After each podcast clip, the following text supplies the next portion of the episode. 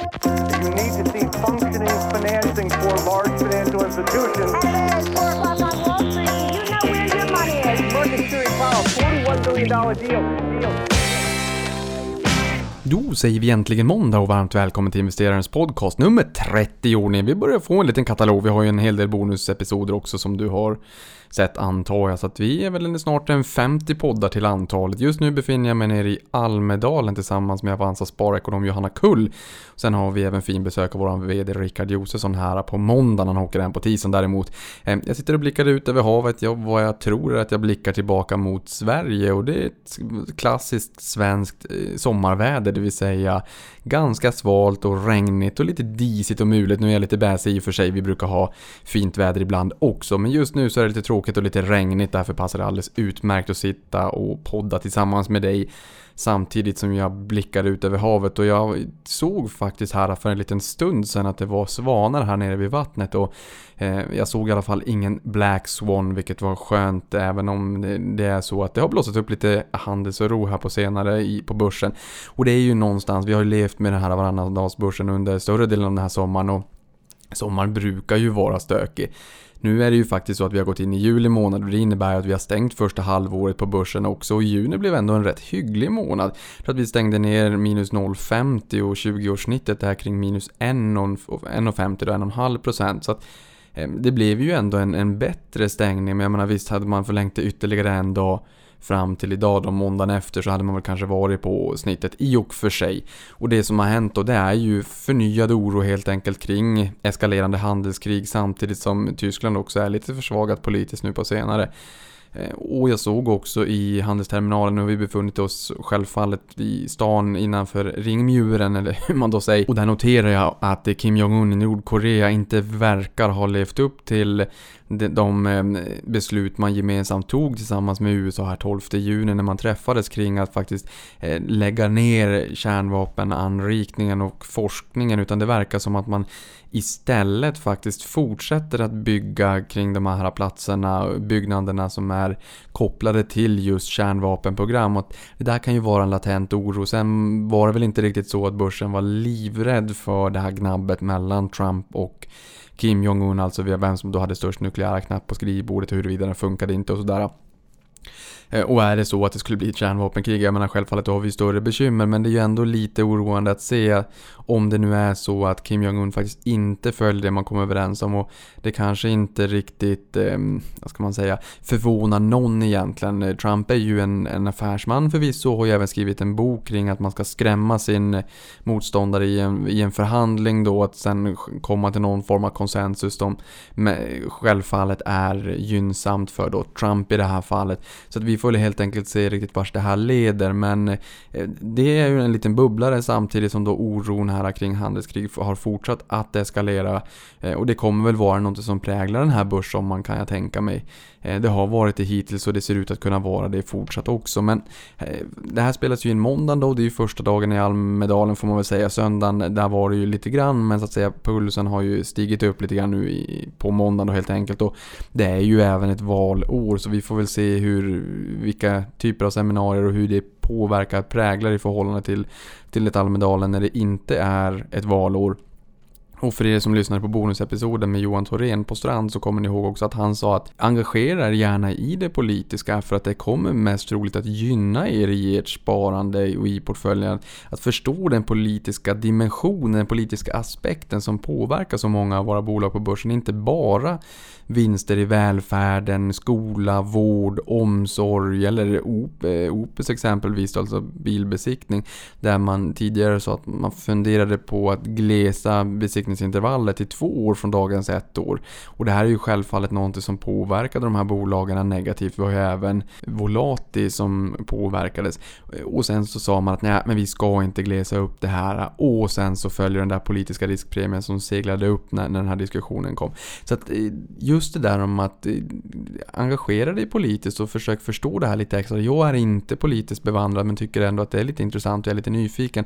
Men i måndagen här då, första dagen i, präglades för min del mycket av hållbarhet och hållbarhetsdiskussioner. Även om det absolut första seminariet faktiskt handlade om eh, cannabis eh, För det är ju så här att det är en eh, nisch inom marknaden som har seglat upp och blivit väldigt populär bland investerare. I USA börjar det avregleras, i Kanada har man kommit ganska långt. Det är ett cannabisbolag som är det mest populära utländska innehavet utländska aktien på Avanza. Eh, om vi isolerar USA som är den största marknaden, ja då är det Apple. Men tar vi alla utländska marknader så är det faktiskt ett cannabisbolag. Och jag kan väl erkänna att jag är avvokt inställd till det här men det är också kanske ett resultat av det samhället som jag är uppväxt och valsad i. Eh, så att jag försöker att inte vara, eh, inte ha förutfattade meningar utan att ändå lyssna in branschen och själv försöka bilda mig en objektiv uppfattning. Jag menar, här har man i Kanada sagt att eh, mest troligt så är det så att cannabis kommer att utmana spirits, alltså den typen av alkoholsorter och förmodligen även kommer gå upp och kampa mot vin, alltså vinsegmentet. Så att det är ju en allvarlig utmanare. Och det här har vi inte minst sett med Constellation Brands som är en stor bryggeriaktör i USA med exempelvis Corona eh, som har köpt 10% av Canopy Growth Corp för att då som vdn sa att vi måste vara framåtblickande och se att om det här blir en stor del och faktiskt ett substitut till vanlig klassisk alkohol, det vill säga öl, vin, sprit eller vad det kan tänkas vara. Ja men då måste vi vara där från början. Samtidigt om du kommer ihåg och kanske lyssnade på bonusepisoden när eh, Kopparbergs VD Peter Bronsman gästade så sa han nej, det där ser inte jag framför mig, det är ingenting jag vill satsa på, jag vårdar mitt varumärke och jag tror att det där är en ganska stor varumärkesrisk. Och det är ju den här balansgången självfallet som bolagen tampas med just nu. Så vi får helt enkelt se, men samtidigt det här är någonting som är legalt på kanadensiska börsen. Och då får man liksom leva med det faktum att det, det är så. Och då får jag bara försöka lära mig så att och det finns ju också två huvudmarknader kanske man kan säga. Dels for pleasure och sen så är det ju också i medicinskt syfte. Och jag skulle vilja lära mig mer om det här just i det medicinska syftet. Men samtidigt så kanske vi inte heller som investerare går och säger att jo men jag vill ha exponering i portföljen mot morfin exempelvis då som man använder inom vården.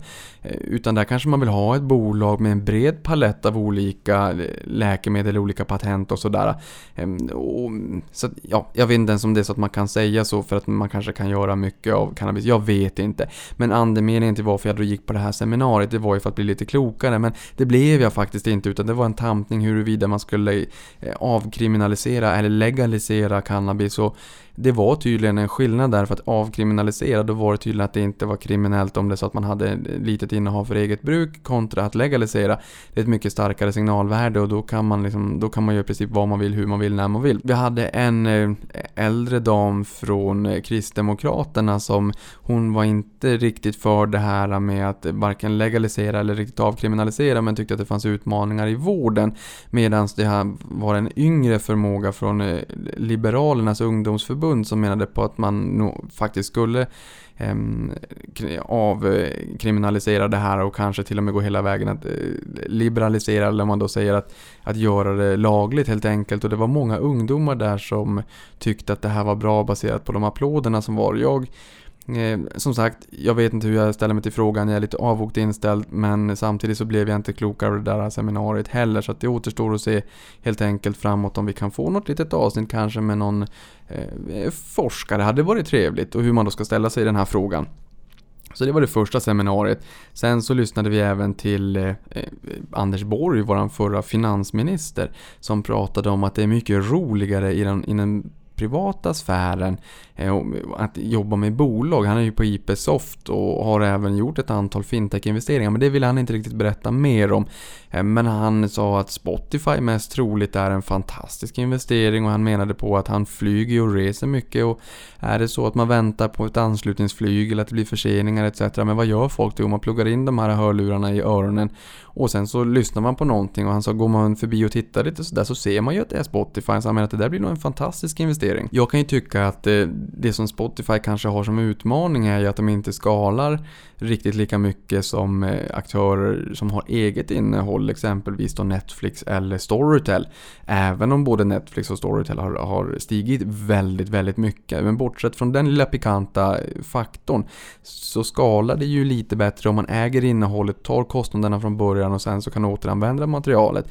Men Spotify får ju liksom betala en rätt hygglig slant hela tiden ju fler som lyssnar. Eh, och sen så har de ju självfallet poolen då av gratisanvändare som man kan använda som en plantskola för att få in nya betalande premiumanvändare. Men när de kom in på börsen så var de ju väldigt stolta över sina 71 miljoner användare som de hade då, som premiumanvändare. Även om man då räknade med de som faktiskt hade gratis, gratis test i, under en viss period, säg en till tre månader. Eh, och sen så räknar man ju även familjeabonnemang också där man kan vara upp till sex personer i ett hushåll eller fem personer. Men alltså huvudabonnemanget räknas också som en så man kan vara upp till sex användare på ett hushåll.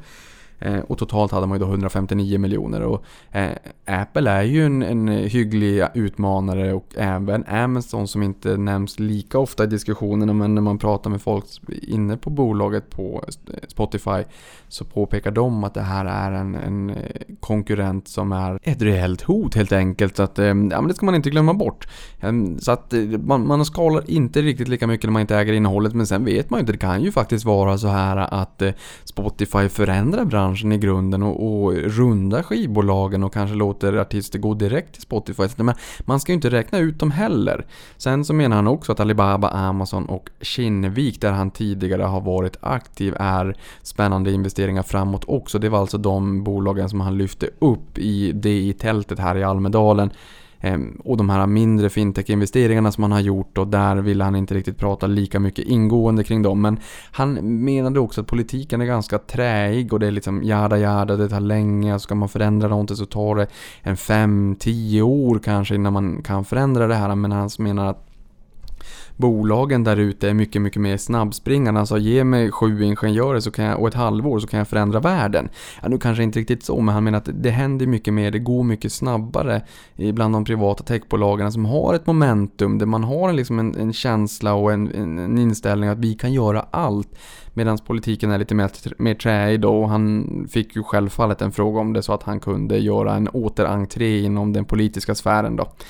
Eh, Sen har vi Gillar din ekonomi som hade ett seminarium här på morgonen också och pratade lite grann om eh, pensionssparande och hur man ska göra det intressant och hur man når ut helt enkelt. Och nu är det ju också förbjudet med telefonförsäljning när det kommer till pension, vilket är bra. Jag såg eh, min svärfar fick ett brev från Eterum Ethereum som sa att jo, men det här med solidariska fonder har ju åkt ut ur systemet, men de är ju bara en av många som vi har eh, kunnat rådge kring och vi är ju oberoende så att jag menar, vi har ju mycket annat att bjuda på. Det man inte nämner i det här brevet är ju att Ethereum är solidariskt pensionsbolag som har bytt namn och då kan jag undra varför de har bytt namn. Eh, samtidigt som Finansinspektionen går ut och säger att det här har skadat deras kunder medan de själva i brevet säger att ingen kund har lidit skada. Så att, eh, det är ju ofta så att de här aktörerna marknadsför sig via telefon så det gläder mig att de inte kan göra det. Däremot så var Pensionsmyndigheten på plats och, och påpekade att Min pension är en fantastisk sajt och det är det ju, det är en jättebra tjänst. Men där som jag har redovisat tidigare så är det jättekonstigt att de inte har tagit bort schablonkostnaden för tjänstepension både för Avanza och Nordnet för vi tar ju noll medan våra kollegor i branschen kan ta ganska duktigt betalt och det kan ju skilja flera hundratusentals kronor. Eh, faktiskt till och med miljonbelopp där man alltså har haft den reklamen en miljon mer i pension för att slippa de här skalavgifterna.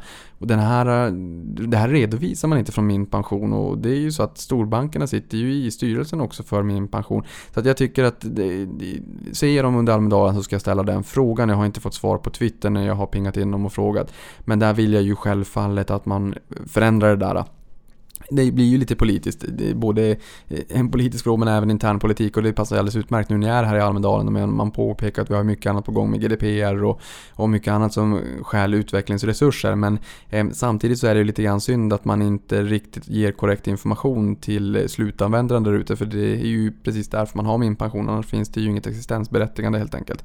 Eh, så att jag hoppas att de kan fixa till den felaktiga informationen. Eh, och sen pratar man också om komplexa produkter inom eh, pensionsvärlden menar tidigare när det kom till sparande så var det mycket strukturerade produkter där kunden inte riktigt förstod hur de här faktiskt fungerade och det här med kapitalskyddade produkter där man hade liksom en obligation till en större del, 80-85% kanske en option för resten. Eh, och där kunden betalade inte sällan 1-2% i courtage men sen hade man ju också ett arrangörsarvode, ett distributionsarvode där man eh, tog ut en, både ett arvode så att säga för att strukturera ihop eh, den här strukturerade produkten med en obligation och en option. Och sen så i distributionen, ja men då har ju storbankerna, bankkontoren runt om i Sverige. Och sen så courtaget om man betalar upfront när man köper den här. Det där tillsammans kan bli uppemot 10% men det är ingenting man som kund ser för man frontas bara de här 1-2% i courtage. De är ju inte riktigt lika vanliga så att jag undrar lite grann vilken typ av komplexa produkter man hänvisar till. Men jag menar självfallet, ehm, ekonomi är ibland för vissa boring by default men också komplext by default. Så att jag menar förmodligen finns det ju komplexa produkter men jag skulle vilja gräva lite grann mer i det där. Eh, sen har vi som sagt, ja, det har varit mycket hållbarhet just under den här dagen också. Sverige är faktiskt fjärde största marknad för gröna obligationer. Och det där tror jag är ett tema vi ska ha i podden framåt. För att gröna obligationer, jag menar jag är en aktieperson, jag gillar aktier. Jag menar på den finansiella marknaden så har vi en, en aktiemarknad och en kreditmarknad. Och kreditmarknaden i, i sin tur är ju penningmarknad och obligationsmarknad.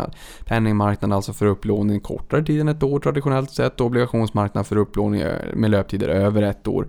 Och det som är intressant med obligationsmarknaden och gröna obligationer det är att man behöver inte göra avkall på den förväntade investeringen bara för att en obligation är grön.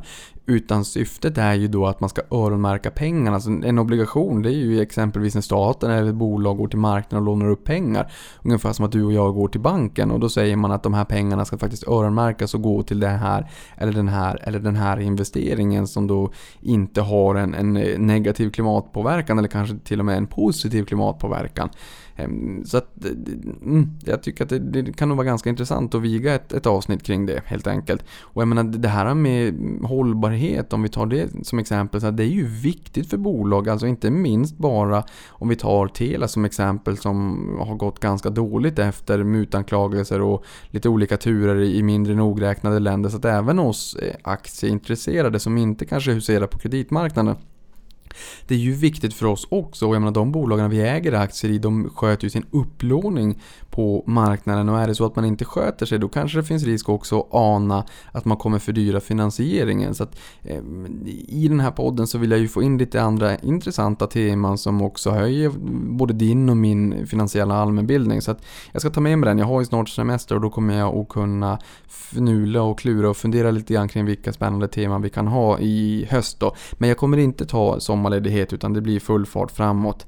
Eh, och jag var även på ett seminarium där jag lyssnade på både Lauri Rosendahl, alltså Stockholmsbörsens VD, men även Per Bolund som vi hade i Avanza-podden här nyligen, vår finansmarknadsminister. Och på det här seminariet så pratade man man om då Kina och att i Kina pratar man mer miljö än ekonomi. Och sen kan man ju ha miljöekonomi, alltså cleantech och greentech och den här typen av investeringar för att de har ju ett incitament också. Miljön, väd, vädret, väder, vind, smog gör ju att man måste tänka på det här på ett helt annat sätt än bara liksom ett kalkylark Eh, i en databurk när man sitter och räknar på avkastning och alternativ avkastning helt enkelt. Och Kina är ju en stor marknad så det är ändå intressant att ha koll på det helt enkelt. Och gröna obligationer växer mycket och det är ju snack om tillväxt inom gröna obligationer. Det var en här i paneldebatten som sa att det här växer explosionsartat. Men jag menar samtidigt, det, det är ju fortfarande upplåning av pengar det handlar om och det är ju inget nytt. Men sen måste ju en omställning ske. Men bara för att någonting växer explosionsartat, jag menar en aktieperson som mig tänker aha, strukturell tillväxt. Vilka bolag ska jag då investera i för att få ett, ett bolag som jag tror både kommer kunna öka sin försäljning, marginaler och vinst så att säga, men även då få medvind, alltså skjuts. Man behöver inte bara vara sin egen lyckas med, utan man, man liksom är verksam i en bransch som växer som helhet också. Ibland är det liksom politiska reformer som gör det, och typ som i det här fallet. Men jag menar, det, det tar man ju bara kakan av vanliga traditionella obligationer. Och det är ju inte så att obligationsinvesterare får en bättre avkastning, utan de ligger väl ganska lika. Man får alltså inte en sämre avkastning vanligtvis genom att investera i gröna obligationer, men det är ju inte så bara för att marknaden växer jättemycket att man kommer få en bättre. Men man får väl ändå kontera in det på det här miljökontot och att det är ju bättre för världen. Och sparande är ju en uppskjuten konsumtion och vi vill ju ha en vettig Eh, ett vettigt klimat och en vettig planet att konsumera pengarna i den dagen vi väljer att sälja de eh, pengarna. Eller sälja innehaven på börsen och konsumera dem istället. Och sen så sa Per Bolund också, för jag nöp honom efter eh, seminariet här och ställde lite frågor kring just det han pratade om på seminariet. Och en sån där sak som han nämnde som jag tycker är lite intressant för oss aktieintresserade var att klimatförändringarna börjar slå mot bolagen. Men då undrar jag, hur då rent konkret? Vi gör så att vi stämmer av det med Per och lyssnar till vad han har att säga. Ja, på flera olika sätt. Det första är ju att klimatförändringen eh, skadar industrier och sektorer. Till exempel jordbrukssektorn, skogssektorn, mer skogsbränder, torka som gör att man inte får lika bra skördar. Direkt påverkan är ett större och större hot. Men eh, även omställningsrisken. Det vill säga att när vi nu sätter ett pris på koldioxid, när vi ser till så att eh, vi faktiskt låter företagen betala när man påverkar klimatet. Så de som inte anpassar sin verksamhet till det, de tar också en stor klimatrisk och då är risken risken att man investerar fel och får strandade tillgångar. Tycker du att bolagen och näringslivet har det här på agendan? Förstår de omställningen? Eller hur långt tycker du att man kommit? Ja, men det finns en ökande förståelse och det är jag väldigt glad för. Samtidigt så finns det fortfarande för mycket av att eh, man eh, har en föreställning av att eh, hållbarhet är någonting som kostar och man ser inte att det som faktiskt ger lönsamhet i framtiden. Så att den gamla föreställningen om att eh, hållbarhet inte är lönsamt, det är någonting som vi behöver gå bort ifrån för det är en falsk bild. Någonting som jag tror att mina lyssnare tycker är jätteintressant det är ju stranded assets. Vi gillar att investera. Fortum är en sån där som många plockar för att det är en hög direktavkastning samtidigt som du pratar om att det kanske inte är gynnat att investera i den gamla teknologin, gamla fossila bränslen nu när ny, förnybar energi växer betydligt mycket snabbare. Berätta lite grann om stranded assets för det här är ju en latent risk man verkligen måste ha, ta hänsyn till som investerare. Ja, och den är ytterst rejäl. Den är redan, vi har redan sett strandade tillgångar i det europeiska energisystemet till exempel. Där man har gjort stora investeringar i brunkol eller stenkol eller andra fossila källor som sen visar sig vara i princip värdelösa. Eh, och det är, energisektorn är den första men det kommer komma även till andra sektorer, det är jag övertygad om. Och eh, här är det ju såklart avgörande att företagen är medvetna om de här riskerna. Eh, att eh, om man investerar i gårdagens teknologier så kommer man inte kunna leverera på morgondagens finansmarknader. Eh, och eh, Eh, jag eh, hoppas ju på att man har lärt sig läxan nu och att man kommer att inse att det är de nya teknikerna som är de som faktiskt är investeringsbara och lönsamma på sikt. På marknaden pratar man ju också om greenwashing och att man kanske gör ett spel för galleriet kontra att det finns bolag som verkligen tar det här på fullaste allvar. Hur tycker du att man ska kunna se bortom greenwashing och inte bli lurad om jag så får säga? Ja, men där behöver vi ha en oberoende granskning. Eh, tidigare har ju de gröna finansmarknadslösningarna varit lite eh, självdeklarerade. Eh, fondförvaltarna och bankerna har själva sagt att det här är vår gröna fond med sina egna villkor. Nu har vi ju Svanen som har gjort en oberoende märkning av Svanenmärkta fonder och ställer väldigt höga krav. Och eh, nu när vi ställer mer och mer krav på transparens så kommer också andra aktörer, eh, miljörörelsen eller olika finansiella aktörer att också granska de påståenden som man gör från förvaltarnas sida. Så att eh, den som eh, lovar mer man kan hålla tar en stor risk och eh, undergräver sitt förtroende långsiktigt skulle jag säga. Sist men inte minst så pratar du om ett skattegynnat sparande i gröna obligationer eller grönt sparande likväl som att staten också måste gå i bräschen med statliga medel för att visa vart skåpet ska stå om man så säger. Prata, berätta lite mer om det här skattegynnade sparandet i, i, i det gröna. Mm.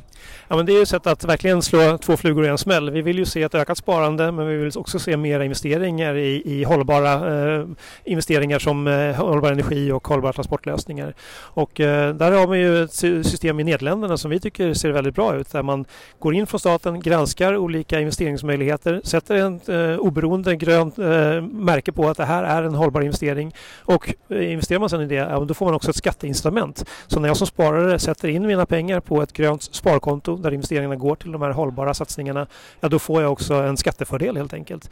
Eh, så att eh, vi tror verkligen att det både kan öka intresset för att spara och bygga upp en egen buffert men samtidigt också investera för framtidens lösningar.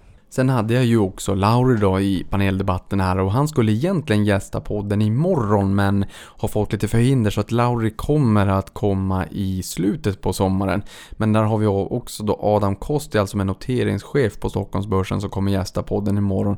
Så att har du några frågor funderingar så är det bara att skicka ett mail till kontaktetinvesteraren.com så att kan jag ta med det. Och frågorna där är ju självfallet då hur temperaturen ser ut, hur pipelinen ser ut, vilka typer av bolag där, om det är större eller mindre. Eh, jag har ju sagt några gånger då att i fjol kom det in 115 bolag på eh, de nordiska börserna, varav 79 var på First North. Eh, I år har det inte kommit in jättemånga bolag på Stockholmsbörsen, alltså själva noteringen. Utan det har varit en stor del listbyten så att säga. Men det är kul att få en liten uppdatering kring Adam och hur temperaturen där ute faktiskt är.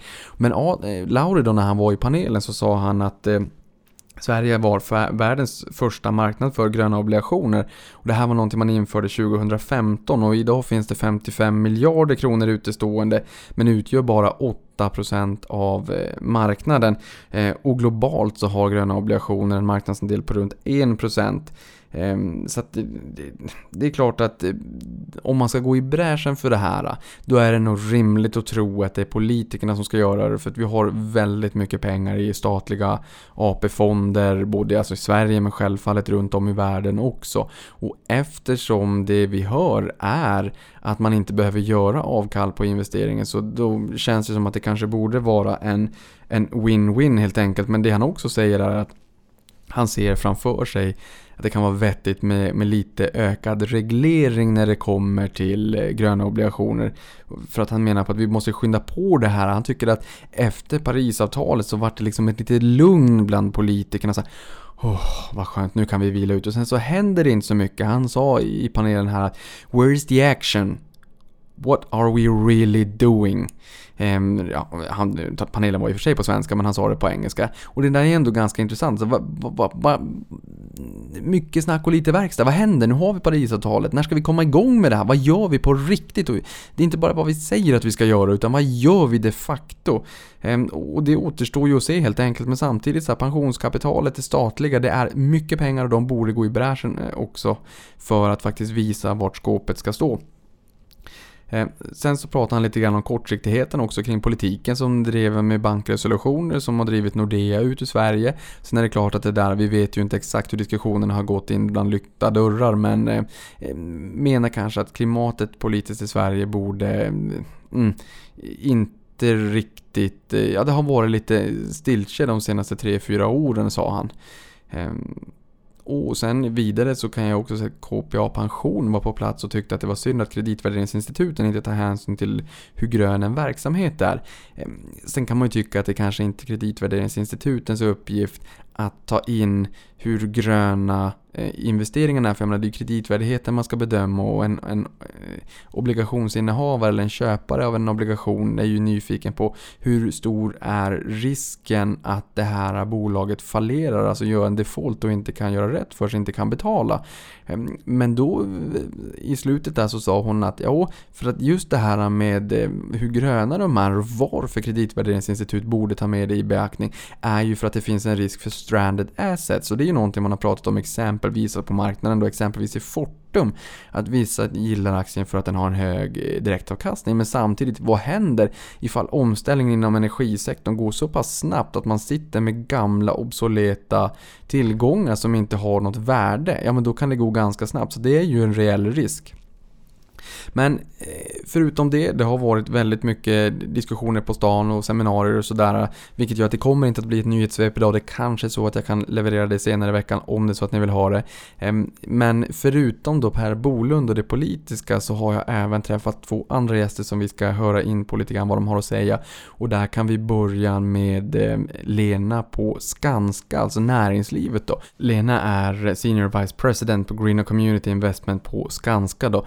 Så att vi lyssnar in vad hon har att säga och vilka utmaningar, hur hon tänker kring näringslivet och när det gäller hållbarhet som är något som Skanska jobbar mycket med. Lena Höök, hållbarhetschef på Skanska på koncernnivå.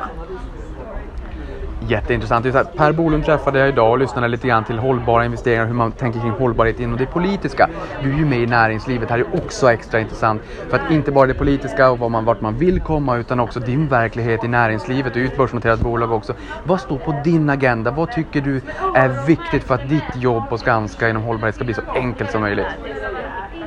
För oss är det ju viktigt att leverera på hållbara projekt och framförallt då för oss för grönt byggande blir ju väldigt specifikt. Här ser vi en efterfrågan som skiftar på olika marknader. Men till exempel i Sverige och England så finns det ett otroligt hög efterfrågan, en mogen marknad. Det gör ju att mer än 70 procent av vår omsättning på de marknaderna kommer just från gröna projekt. För oss att också få signalen från investerare att de värdesätter våra hållbarhetsambitioner och också premierar vårt gröna byggande. Det ger ju oss ytterligare en sporre i att våga driva dessa frågor än vidare och satsa på innovation och utveckling. En intressant fråga som jag kommer på så här spontant det är ju USA. Ni har någonstans strax under 40% av omsättningen i koncernen från USA. Ehm, nu är ju Trump där på positionen på posten och han är ju inte, han kanske inte har gjort sig känd som en klimatvän. Samtidigt som jag hör här när ni berättar om att det här är ju, ni är duktiga på det här. Sverige, Storbritannien, men, men hur går det i USA då? USA är ju en marknad som består av väldigt många olika stater och för oss är det ju så att förhålla oss till var, vardera stat, vad de har för olika regelverk eller vardera stad som också kan ha olika regelverk. Vad vi ser där är ju att många städer och stater har ganska höga hållbarhetsambitioner. Eh, självklart Kalifornien och New York sticker ju verkligen ut. Men vad som också är häftigt att se med den amerikanska marknaden det är att några av våra projekt som ligger absolut längst fram, som vi gör med Georgia Tech till exempel, har enormt höga klimatambitioner. Så det är också en marknad som driver utvecklingen med, med just att hitta nya innovativa tekniska lösningar för att bygga klimatsmart. Sen kan man väl säga så här också, när man tänker på USA, nu, nu svävade vi över Atlanten, då tänker jag mig också att det är väldigt eftersatt när det kommer till infrastrukturen och det här är ju någonting man pratade om innan valet. Det kanske är ett kort man drar fram om det skulle komma en lågkonjunktur i framtiden. Men hur kan man applicera hållbart och grönt när det kommer till infrastrukturen i USA? Det är spännande att du nämner det. Om vi tittar då på US Civil som är ett av våra då affärsområden som just handlar om infrastrukturen, det vi bygger för det offentliga, så ligger vår eh, omsättning som kommer där från gröna projekt ligger på nästan 40 procent. Och det säger ju någonting om att oavsett vad man diskuterar på den, på den stora ambitiösa nivån så gäller det vad levererar man per projekt. Och vad ställer kunderna då för krav och hur kan vi leverera på en grön agenda? Eh, självklart vi vill nå ännu högre, ännu längre. Men det är också viktigt att förstå att den skalbarheten som vi redan är uppe i är någonting att bygga vidare på. När man som investerare i Skanska också lyssnar till dig här nu så blir jag ju ny, lite nyfiken på när ni sitter i diskussioner och upphandlingar och där ni hoppas vinna projekt. Hur pass tungt väger det faktum att ni lägger mycket tid, energi och resurser på den här frågan? Det där skiljer sig väldigt mycket från olika projekt till projekt och olika kunder. Från vår sida är det viktigt att vi visar vår ambitionsnivå, att vi kan komma med den typen av lösningar och förslag eh, och att vi är tydliga gentemot kunden i vad som är möjligt att göra. Sen är det ju alltid till syvende och sist upp till kunden själv att välja vad man köper, precis som att det är upp till dig och mig om vi väljer ekomjölken eller inte när vi är och handlar i livsmedelsbutiken. Men vad jag kan lägga till, det är när vi driver våra egna projekt och Skanskas egna projektutveckling så har vi 95 procent av vårt marknadsvärde kommer faktiskt från gröna projekt. För där kan vi själva vara med och, och beställa och bestämma ambitionsnivån. Kan, kan, du säga någonting om hur det kommer sig att ni ändå så pass eh, distinkt beslutade er för att det här är en viktig fråga att driva i Skanska? Eh, och om du vill också, ni i förhållande till konkurrenterna. För vad var det som gjorde att ni tog tag i den här frågan ändå så pass tidigt? Vi hade för 20 år sedan en rejäl eh, miljöincident med Hallandsåsen. Det fick oss att ta de här frågorna på riktigt stort allvar och faktiskt också bygga vår kompetens, vår erfarenhet. Vi var första bolaget som såg till att ha miljöledningssystem ISO 14001 på samtliga våra marknader. Ett sådant arbete, det här är ingenting som eh, ett stort bolag i ett stort skepp, man vänder inte liksom på en kafferast. Utan det handlar ju faktiskt om att ha ett gediget angreppssätt och det tar år att bygga upp. Och för all del, det är någonting man måste fortsätta utveckla varje dag för vi är inte där än. Vi måste ständigt utveckla oss vidare med innovation, med teknik och nya lösningar och i samarbete med kunder, med investerare och också politiker. Lena, det här med att man inte vänder ett skepp alldeles för snabbt, det vet vi Hennes Maurits. Sista frågan, hur sparar du själv? Jag försöker diversifiera portföljen men med hållbarhet som en viktig ledstjärna. Stort tack för det. Och sist men inte minst ska vi också höra från Lena Lindahl som jobbar på SPP Storebrand kring eh, gröna obligationer och förvaltar en fond med gröna obligationer. Och där hon eh, pratar lite grann om eh, myten kring att det just är ett avkall på den förväntade avkastningen genom att investera i gröna obligationer. För det här är någonting hon är trött på att höra från marknaden. Ehm, vi gör som så här, vi lyssnar vad hon har att säga. Hej, jag heter Helena Lindahl. Jag jobbar på SPP Storbrand där jag förvaltar en grön obligationsfond. Gröna obligationsfonder, det är ju spännande, det är någonting som vi har pratat om. Jag tycker att för min egen del så är det något som har karaktäriserat den här dagen. Vi har Bolund som jag pratat om med tidigare, Lena Höök på Skanska. Nu får jag träffa dig här när det kommer till gröna obligationer. Du förvaltar den här fonden, det är inte jättemånga i marknaden. Du, någonting som jag tar med mig är att du är så gudom, gudomligt trött på den, eh, vad ska man säga, när folk säger att att investera i en grön obligationsfond, då måste jag göra avkall på investeringen. Det stämmer ju inte när jag lyssnar till dig. Berätta. Från dag ett när vi startade den här eh, obligationsfonden så kände vi, tre år sedan nu, så kände vi att här kan vi komma med en produkt som ger eh, väsentligt mycket högre transparens för eh, vad pengarna faktiskt går till och i den här fonden så går de då till klimatfrämjande åtgärder. Och i princip den första frågan som jag fick om fonden var om den överhuvudtaget skulle kunna leverera någon avkastning. Och nu är det såklart att vi lever i en minusräntevärld, i alla fall ett bra tag till vad det verkar. Och man får se dess avkastning i förhållande till vad andra jämförbara obligationsfonder kan ge. Och eh, i den jämförelsen så har den här fonden, ligger den i topp på, på, på avkastningen. Så att jag vill lite grann ta udden av den här att man ställer avkastningen mot hållbarheten och jag tycker liksom att den, den frågan, vi är förbi där. Det är liksom, man kan investera hållbart utan att göra avkastning på, eller avkall på avkastningen. Mm. Ja, och de, de av mina lyssnare som tänker gröna obligationer och hållbarhet. Jag menar, många har ju hört talas om det, men, men riktigt så här, det är som jag brukar säga när man går in i matvarubutiken och så ser man utsmärkning eller Svanen-märkning och allt vad det kan tänkas vara. Det känns ju bra, men, men, och, och man lättar sin samvete och man vill ju liksom ändå kunna påverka och det lilla gräsrotsrörelsen. Men, men, men vad är det här med gröna obligationer egentligen om du skulle förklara det på ett enkelt sätt? Jag tror att eh, gröna obligationer är en finansieringsform där man öronmärker vad pengarna faktiskt går till. Och med det sagt så höjer man transparensen i sina egna placeringar högst väsentligt. Och man kan ha, eh, när man går in i matvaruaffär så finns det olika märkningar. Det finns krav, det finns eh, Svanen, det sådana som du nämner. Och jag tror att vi håller på med de här gröna obligationerna i 6-7 år. Jag tror att vi kommer också få den standardiseringen och den typen av märkning av, av gröna sparprodukter som liksom är uniform på ett, på ett sätt som vi inte har idag. Så att det, det kommer komma men jag tror vi kanske får vänta på att vi, vi kommer närmare standardisering innan vi kommer ha en, en perfekt liksom, katalog över exakt eh, en, en märkning. Ja, för någonting jag tänker är intressant också att de här pengarna ska öronmärkas. Jag menar visst, man kanske tänker på hållbara företag, säg ett vindkraftbolag. Men sen kanske man fraktar de här vindkraftsnurrorna land och rike runt på gamla lastbilar från 70 80-talet och då är man ju inte alls, då, då kanske man släpper ut så mycket, nu raljerar jag, eh, och, och överdriver också. Då kanske man släpper ut så pass mycket att man inte blir grön i alla fall. Jag tänker mig för de som lyssnar på det här, eh, då, då kanske man tänker att oljebolag kan ju inte vara gröna. Men om oljebolag som Statoil som nu byter namn till Eki Equinor, jag var tvungen att tänka efter lite grann där. Eh, ja, då kanske det kan vara så att man finansierar eh, bolaget eller emitterar då en grön obligation där pengarna öronmärks till en omställning inom bolaget. Kan du utveckla lite mer kring det här eh, gamla bolag som man spontant tänker inte gröna kontra nya bolag som man tänker de är gröna. Är det verkligen så svart eller vitt? Nej, det är absolut inte så svart eller vitt och på något sätt så lever vi i en värld där, där eh, de, de allra flesta av oss måste ställa om vårt sätt att leva och vårt sätt att konsumera och producera och investera och det är det vi håller på med nu.